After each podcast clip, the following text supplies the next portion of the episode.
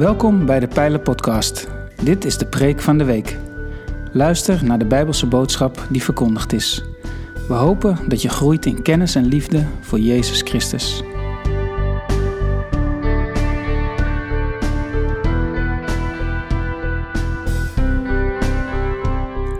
In juli en augustus werken we in de Pijler traditioneel met een zomerpreekrooster. Er zijn geen preekseries. Elke dienst staat op zichzelf. In de beschrijving van elke podcast kun je vinden wie er heeft gepreekt en uit welk Bijbelgedeelte. Goedemorgen, broeders en zusters. Vrienden van verre. Want ik kom uit het verre westen, uit Blijswijk. Dus het was een vroegertje vanmorgen. Het is me genoeg om weer eens een keer hier te zijn. En het is voor mij zelfs de eerste keer dat ik in deze grote zaal ben. Als ik u op zijn Chinees zou begroeten, dan zou dat klinken als volgt. Chosan Daiheng Chimui. Goedemorgen, broeders en zusters. Chimui, zusters, Daiheng, broeders. Het is een voorrecht om bij jullie te mogen zijn en samen het woord van God te mogen openen. Ik ga beginnen met iets wat een beetje beledigend klinkt. Een christen zou moeten zijn als een koe. Mm We weten allemaal wel dat we schapen zijn van de goede herder, maar om uitgescholden te worden voor een koe, dat is toch weer even iets anders. Maar de reden dat ik dat zeg, is dat wij een voorbeeld zouden moeten nemen aan koeien die hun voedsel viermaal herkauwen. Of misschien zelfs nog wel meer. Dat zouden christenen ook moeten doen met het woord van God en met alles wat God in hun leven doet en zegt. Ik probeer daar zelf ook een gewoonte van te maken en ik gebruik daarvoor ook een, een journal in uh, Nederlands, een dagboek. Nou, vroeger had ik het niet zo op dagboeken, want dat klonk me veel te veel naar een poëziealbum, veel te veel meisjesachtig. Maar ik heb gemerkt hoe goed het is om na te denken over de dingen die God in je leven doet, de dingen die God tegen je zegt om ze te heroverwegen aan het eind van een dag, van een week, van een maand of op andere momenten. En zo heb ik de afgelopen tijd ook teruggekeken op die grote feesten die wij van het voorjaar gevierd hebben. We hebben Pasen gevierd, begin april. We hebben 40 dagen daarna Hemelvaart gevierd. 50 dagen daarna hebben we Pinksteren gevierd. En al die feesten die hebben iets te maken met het Bijbelgedeelte waar ik zo meteen met u over wil spreken. Het Pinksterfeest zegt ons dat de Heilige Geest is uitgestort, dat wij in Christus zijn en dat Hij in ons is. En waar is Hij? Hemelvaart vertelt ons dat Hij op de troon is. Hemelvaart was zijn troonsbestijging. En in Efeze 2 staat dat wij met Hem zijn gezeten in de hemelse gewesten. En ik wil graag met u nadenken vandaag over hemels denken. Wat betekent het nou om op die troon te zitten en na te denken vanuit die troon. Om met Gods ogen naar deze wereld te kijken. Laten we samen lezen wat er staat in Colossense 3, vers 1 tot en met 4. Als u nu met Christus uit de dood bent opgewekt, daar heb je Pasen, streef dan naar wat boven is, waar Christus zit aan de rechterhand van God, hemelvaart. Richt u op wat boven is, niet op wat op aarde is. U bent immers gestorven en uw leven ligt met Christus verborgen in God. En wanneer Christus uw leven verschijnt, zult u ook samen met Hem verschijnen in luister. Zoek de dingen die boven zijn, niet die op de aarde zijn. Wat moeten we daarmee? Er zijn mensen die hebben dat uitgelegd als je moet afstand nemen van de wereld. Veel van de oude kerkvaders, veel woestijnvaders, hebben letterlijk afstand genomen van de wereld. Ze zijn in de woestijn gaan wonen. Ze zijn heremieten geworden. En uh, anderen die hebben zich 25 jaar lang eh, op een afgebroken Griekse zuil genesteld... om ook van deze wereld afgescheiden te zijn. En in Utrecht heeft ooit naast de Domkerk een heel klein hokje aangebouwd gezeten. En daar zat een slotzuster in. Dat was een vrouw die zichzelf heeft laten inmetselen in een hokje wat niet groter was dan een wc. Tegen de wand van de kerk aan. En aan de straatkant, daar zat een kleine opening ter grootte van een brievenbus. Daar konden mensen gebedsonderwerpen aan haar vertellen, want zij was zo heilig, ze had een, een aparte lijn met God. Ze konden af en toe ook een klein beetje eten doorgeven. Aan de kerkkant zat een wat groter venster, want zo kon ze elke dag de mis meemaken. Want zonder dat hemelse voedsel kon ze niet. Maar verder was ze helemaal afgezonderd van de wereld. Tientallen jaren heeft ze in dat kleine hok gewoond en ze deed daar alles. En dan bedoel ik ook alles. Dus je kunt je voorstellen hoe dat daar geroken moet hebben. Maar is dat nou wat Paulus bedoelt als hij zegt: zoek de dingen die boven zijn en niet die op de aarde zijn? Nou, ik, ik denk het niet. Met alle respect voor die woestijnvaders en zo. Ik, ik denk het niet. En je ziet in het Bijbelgedeelte in Colossense twee aanwijzingen waarom dat niet zo is en wat Paulus wel bedoelt. Als je een heel klein stukje terugkijkt in, uh, in Colossense 3, en jullie hebben natuurlijk uiteraard allemaal je Bijbel bij je, al is het maar op je telefoon. En je kijkt naar de laatste verse van Colossense 2, dan staat daar: Als u met Christus dood bent voor de machten van de wereld, waarom laat u zich dan geboden opleggen alsof u nog in de wereld leeft? Raak dit niet aan, proef dat niet, blijf daar vanaf. Het zijn menselijke voorschriften en principes over zaken die door het gebruik vergaan. En Paulus noemt dat aards. Het is heel religieus, het is heel vroom. En mensen die dat zouden doen, die zouden wij misschien wel heel erg respecteren. Mensen die een maand vasten. Mensen die zich allerlei dingen ontzeggen. Die ongelooflijk zo beleven. Wauw, wat een vrome voorbeelden. Maar Paulus zegt in wezen is het nog steeds de wereld. En dat zijn niet de dingen die je zoeken moet. Je moet niet leven uh, naar allerlei uiterlijke regels. Alsof je daardoor Gods stempel van goedkeuring op je voorhoofd krijgt. Een soort van barcode. Die Petrus dan met een scanner kan checken aan de ingang van de hemelpoort. Nee, dat is niet wat het betekent om de dingen te zoeken die boven zijn en de aarde te vergeten.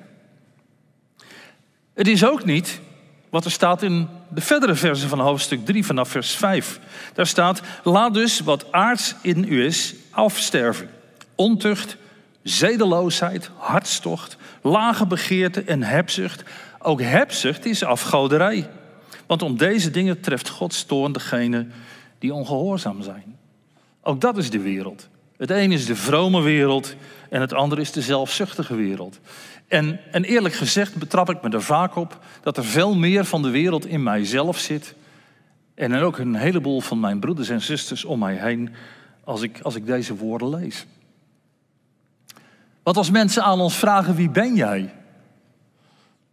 Wat zeggen we dan vaak?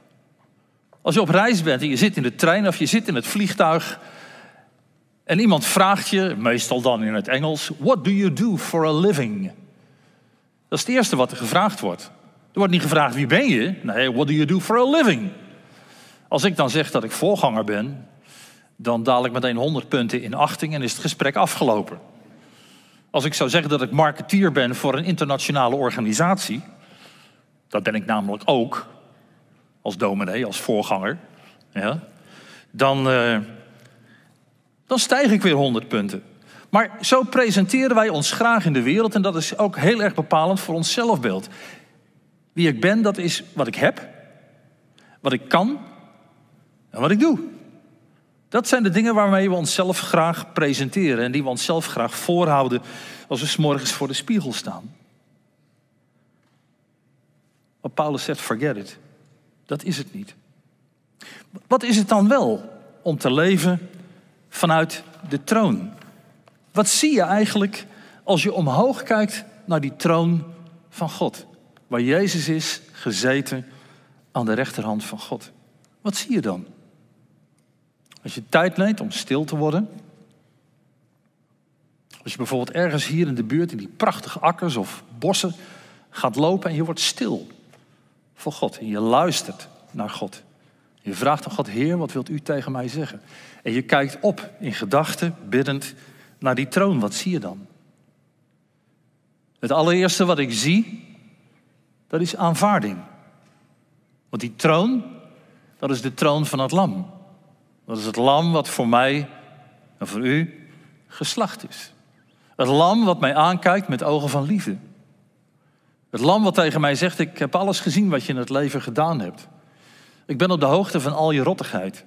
Ik ben op de hoogte van alles wat er nog steeds in jouw hart zit. Aan, aan foute drijfveren, aan foute impulsen.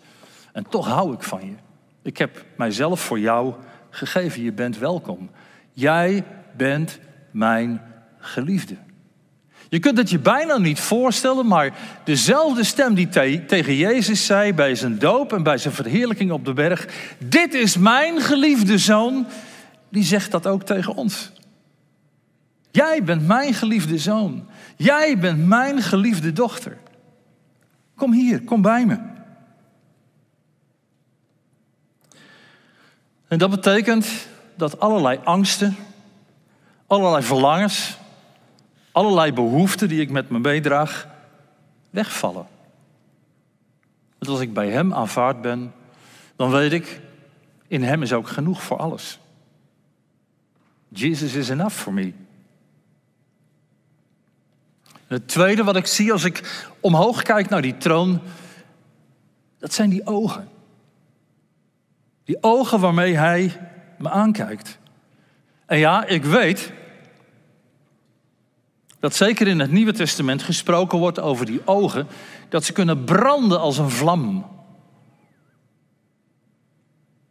Dat ze zonde zien en niet kunnen verdragen. En als ik weet dat die ogen mij aankijken op zo'n punt, dan kan ik het ook niet meer verdragen.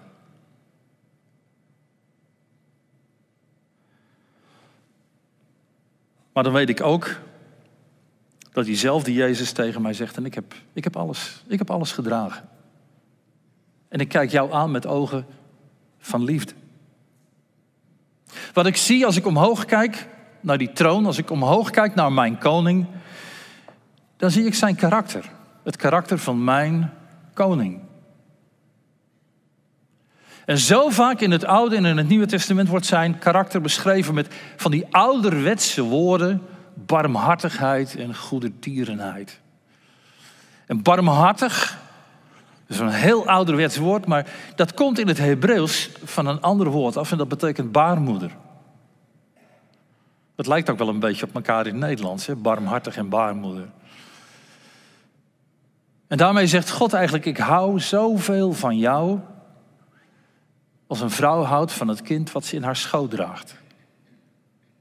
Toen ik hier vlakbij was, over de A6, kwam ik langs een bedrijfspand en daar staat een hele grote reclamefoto op van een hoogzwangere dame die op een, op een soort relaxstoel ligt. En die vrouw, die, nou ja, je ziet dat wel vaker als, als zo'n vrouw hoogzwanger is. Dan heeft ze soms haar blik meer naar binnen gericht, naar dat kind, dan, dan naar buiten. Ze maakt al bij voorbaat contact met dat kind. En zo is God ten opzichte van ons. Hij houdt van ons alsof wij zijn kind zijn, alsof Hij ons in zijn schoot draagt. God is vader en moeder tegelijk. En dat is een van de meest voorkomende karakteromschrijvingen van God. En met die ogen van barmhartigheid en met die ogen van goedheid, met die ogen van ontferming, kijkt God niet alleen mij aan en u, maar God kijkt de hele wereld aan. Daarom is Jezus ook ooit mens geworden. Hij zat op die troon waar we het over hebben. En hij heeft al zijn heerlijkheid afgelegd als een jas. En hij is omlaag gekomen naar de aarde om uiteindelijk, als het ware, in een, in een slavenlendoek te sterven. Aan een kruis. Zijn heerlijkheid afgelegd omdat hij van ons houdt. En tijdens zijn hele leven toonde hij ook al die ontferming. Als er mensen bij hem kwamen die laatst waren. Als er mensen bij hem kwamen van een bedenkelijke reputatie. Mensen die ieder ander uit de weg zou gaan, want contact met hen zou jou onrein maken. Jezus raakte ze aan. Jezus omhelsde ze. De, de AIDS-patiënten, de SARS-patiënten, de COVID-patiënten van zijn dagen. Hij omhelsde ze. En hij werd niet onrein, hij werd niet ziek, nee, zij werden rein.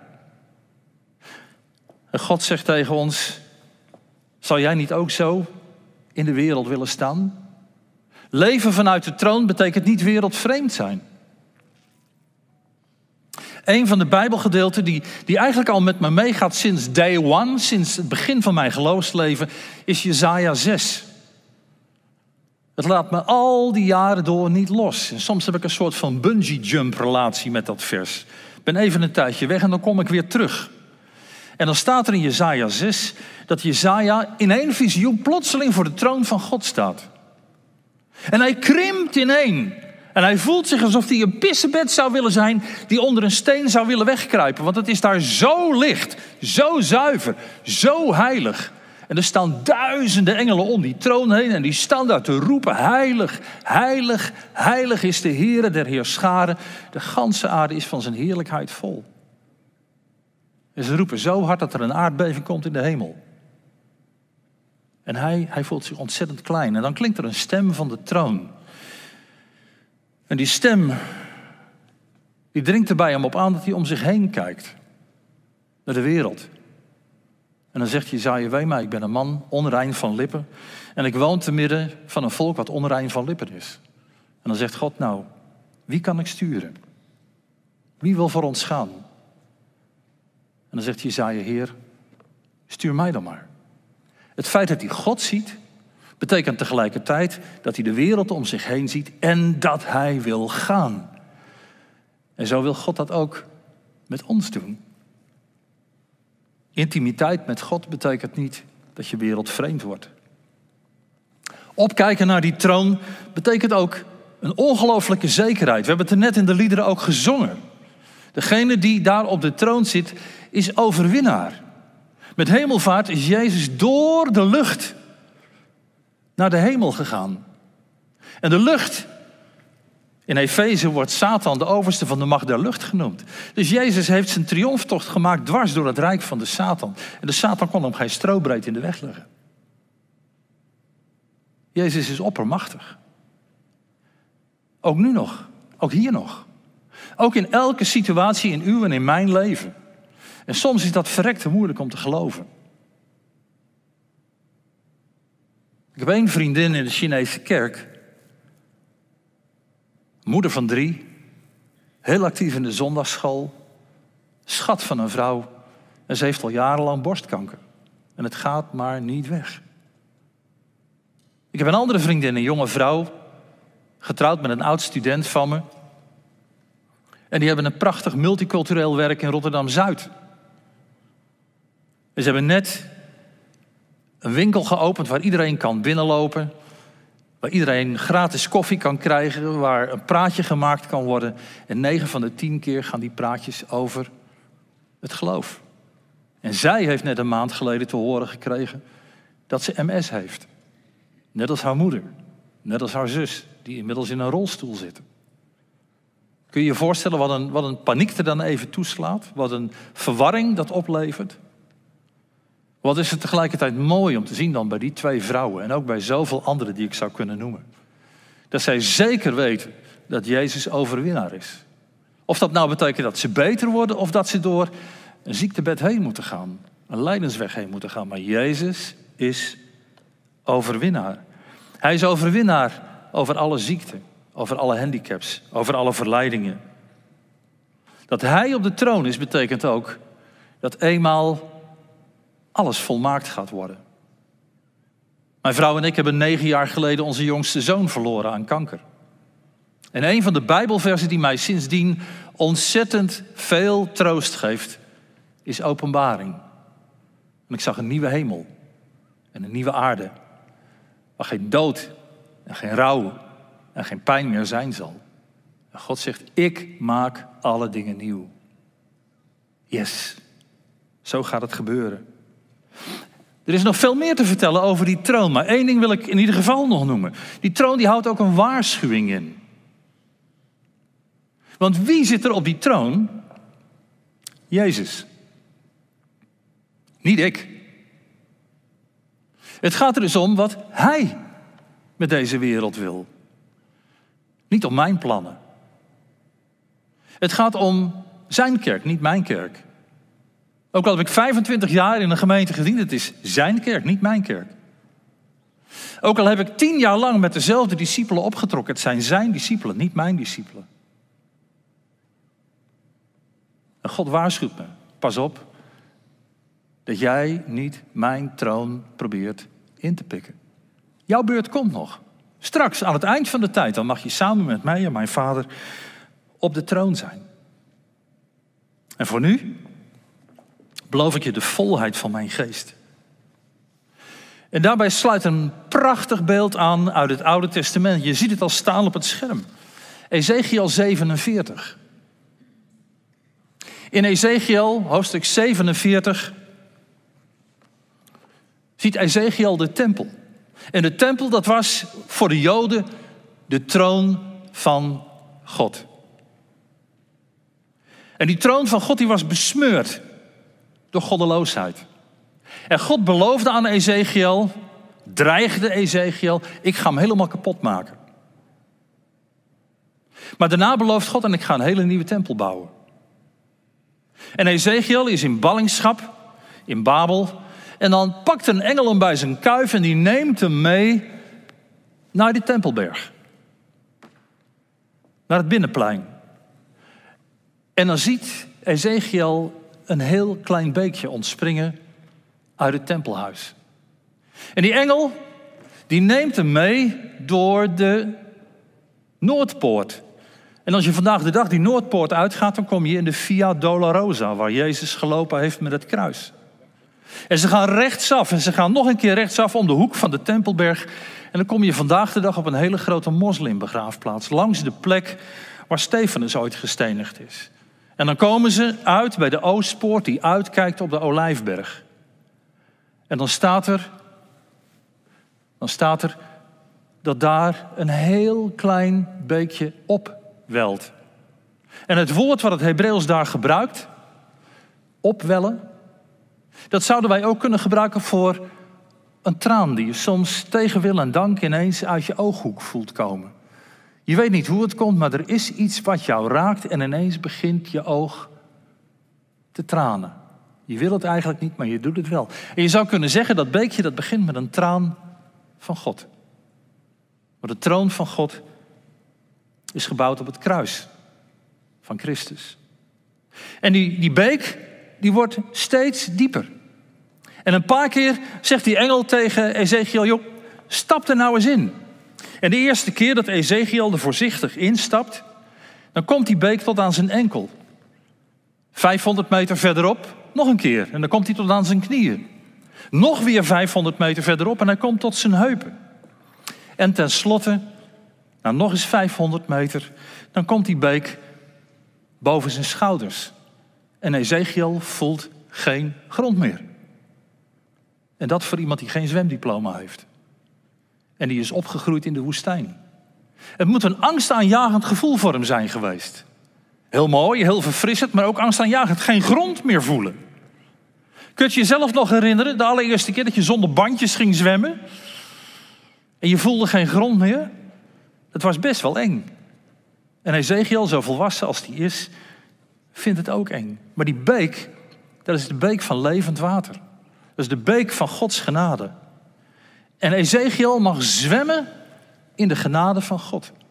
En God nodigt ook ons uit om in die beek en die rivier van levend water te stappen, die vanuit zijn troon komt. Durf je dat? Of ben je als een toerist die met zijn camera langs de beek loopt, foto's maakt en dan later thuis nog eens een keer naar gaat kijken?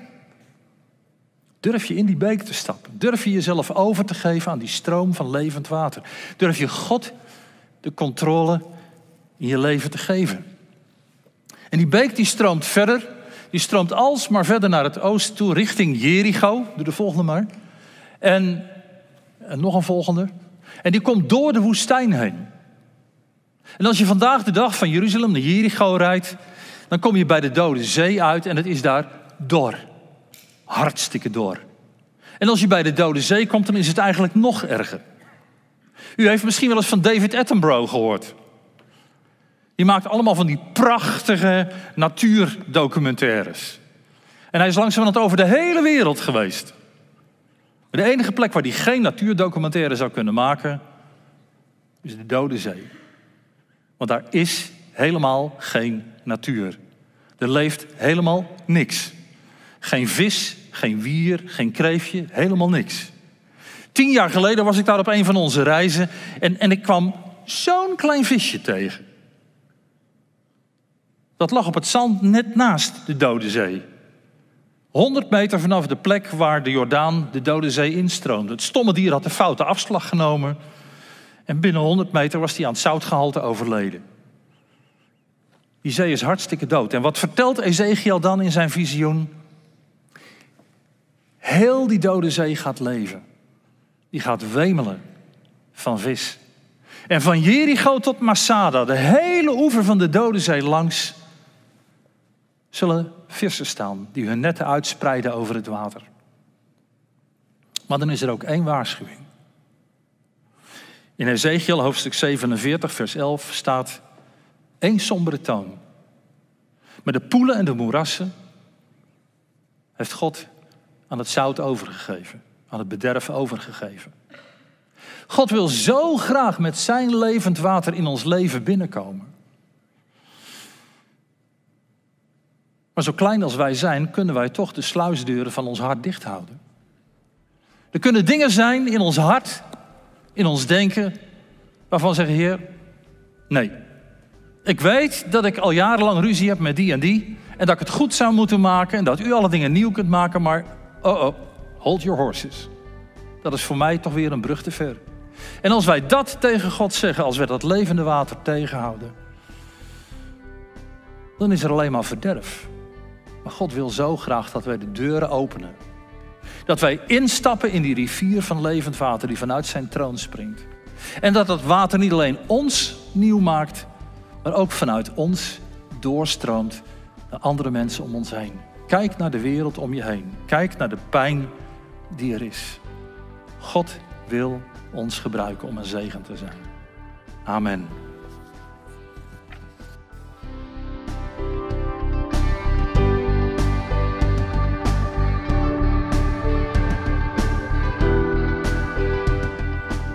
Bedankt voor het luisteren naar deze aflevering van de Pijlen Podcast, Preek van de Week.